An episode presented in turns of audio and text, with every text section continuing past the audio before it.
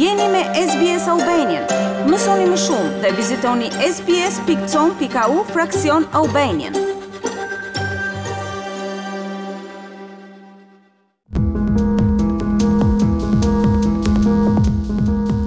Ndryshimet klimatike po shkaktojnë sisteme ekstreme të motit në të gjithë vendin, me efektet që ndihen drejt e në zinxhirin e furnizimit ushqimor. Ndërsa çmimet e supermarketeve rriten, ekspertët po bëjnë thirrje për një qasje më proaktive ndaj ngrohjes globale për të mbrojtur të ardhmen e fermerëve australianë dhe të prodhimeve të tyre. Të ndjekim raportin. Australianët po paguajnë çmime më të larta për mishin, bukën, bulmetin dhe frutat. Dhe sipas një raporti të ri të porositur nga fermerët pro aksionit klimatik, arsyeja është ndryshimi i klimës. Raporti Ndikimet e ndryshimeve klimatike në furnizimin me ushqim zbulon se zinxhirët ekzistues të furnizimit janë të zhvilluar bazuar në modele të parashikueshme të motit. Por me ngrohjen globale që nxit ndryshime të shpejta dhe të paparashikueshme, rruga nga ferma në tryezë po përjeton disa ndërprerje të rënda. Raporti është përgatitur nga Stephen Bartos, një ekspert i njohur në menaxhimin e sektorit publik, financat, strategjinë dhe riskun. Ai ka përpiluar dhe më parë për qeverinë federale raporte që marrin në shqyrtim qëndrueshmërinë e zinxhirit të furnizimit të vendit. Bartos i tha SBS News se ndryshimet klimatike sjellin pasiguri në lidhje me fenomenet e ardhshme të motit, gjë që nga ana tjetër shton koston e furnizimit të përgjithshëm me ushqim. Paparashikueshmëria rrit kostot e financave dhe siguracioneve, gjë që vështirëson për pronarët e bizneseve të furnizimit me ushqim siguracionin e bizneseve të tyre. Dhe këto kosto i kalojnë më pas edhe konsumatorit. Ndikimet e sistemeve ekstreme të motit në shpërndarjen e ushqimit në vend ndihen që në fillim të zinxhirit të furnizimit, pasi fermerët australianë po përballen me kushte të vështira bujqësore.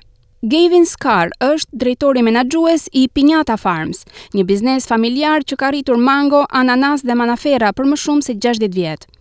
Ai thotë për SBS News se përmbytjet dhe thatësirat ndikojnë për të marrë nga ferma rendimentin maksimal. in some cases with flooding, you know, if the plants go underwater they die, um, you know, they drown, so it's total loss. Um, Në rastet kur ndodhin përmbytje, bimët që mbulohen nga uji mbyten dhe humbja është e plotë. Por edhe ato bimë që nuk mbulohen plotësisht nga uji, mbyten në ujë dhe dëmtohen, kështu që nuk prodhojnë aq fryte sa do të prodhonin normalisht. Zoti Scurr thotë se fermerët shpesh nuk mund të përballen me klima të tilla të paparashikueshme.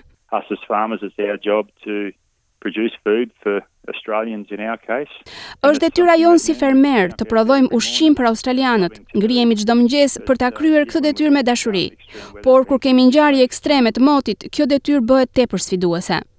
Këto efekte ndihen më tej në zinxhirin e furnizimit, me supermarketet që shohin një rritje të kostos së produkteve të freskëta. Alice Naylor është menaxhere në një supermarket të linjës IGA në Australinë e Jugut. Ajo thotë se supermarketit të saj po i kushton shtrenjtë rritja e kostove nga ndërprerjet e zinxhirit të furnizimit.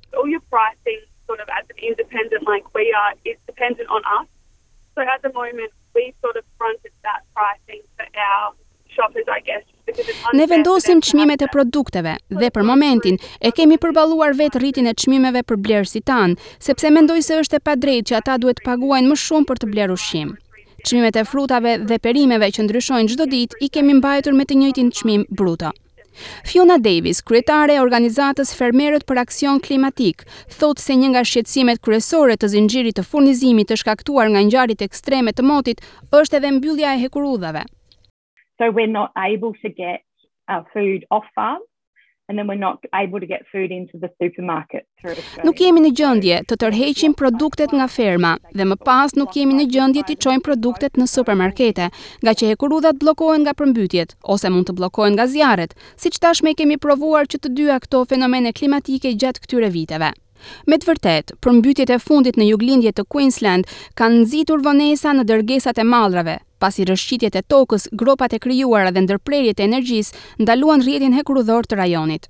Zonja Naylor thotë se ndikimi është ndier edhe në furnizimin me pije alkoolike në të gjithë vendin.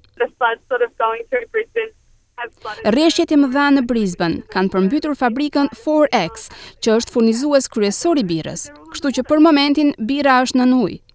Për fermerin Scurr, një mënyrë për të zbutur efektet e modeleve gjithnjë dhe më të paparashikueshme të motit është përhapja e prodhimeve në të gjithë vendin. Nga shtatë fermat Piñata në të gjithë Territorin Verior, në Queensland dhe Tasmani, vetëm dy janë ndikuar nga ngjarjet e fundit të përmbytjeve. The reason that we've diversified in in across crops, so as from tropicals to to temperate is to you know diversify our risk. Arsyeja pse i kemi shpërndarë uh, fermat në të gjitha zonat, që prej zonave tropikale deri tek ato më të ftohta, është që të diversifikojmë rrezikun nga fenomenet klimatike nëpër rajone. Pra, jemi përhapur në gjeografi në mënyrë që nëse një zonë goditet nga klima, të shpresojmë se prodhimet në zonën tjetër do të kenë rendiment. Steven Bartos thotë se për të patur më shumë elasticitet, është jetike që Australia të shkurtojë gjithashtu zinxhirët e saj të furnizimit. If you've got a lot of short supply chains, each single one of them might be equally as vulnerable to a fire. Zinxhirët e shkurtër dhe të shpërndarë të furnizimit janë më të efektshëm sesa një zinxhir i gjatë. Avantazhi tjetër i të pasurit zinxhir të shkurtër furnizimi është se prodhimet ushqimore shkojnë më të freskëta te konsumatorët. Ndërsa zonja Davis thotë se qeveria duhet të jetë më proaktive në trajtimin e ndryshimeve klimatike për të shmangur mungesat e mundshme afatgjatë të ushqimit. We want both sides of government to get behind really deep emission cuts Ne duam që të dyja palët e qeverisë të mbështetin reduktimin e emetimeve gjatë kësaj dekade, sepse kjo vendos të ardhmen për të ulur rrezikun nga ngjarjet ekstreme të motit dhe rrezikun e ndalesave në sistemin tonë të furnizimit me ushqim. Zoti Bartos thotë se shkurtimet e emetimeve në fakt kanë përparësi të shumta për industrinë bujqësore të Australisë.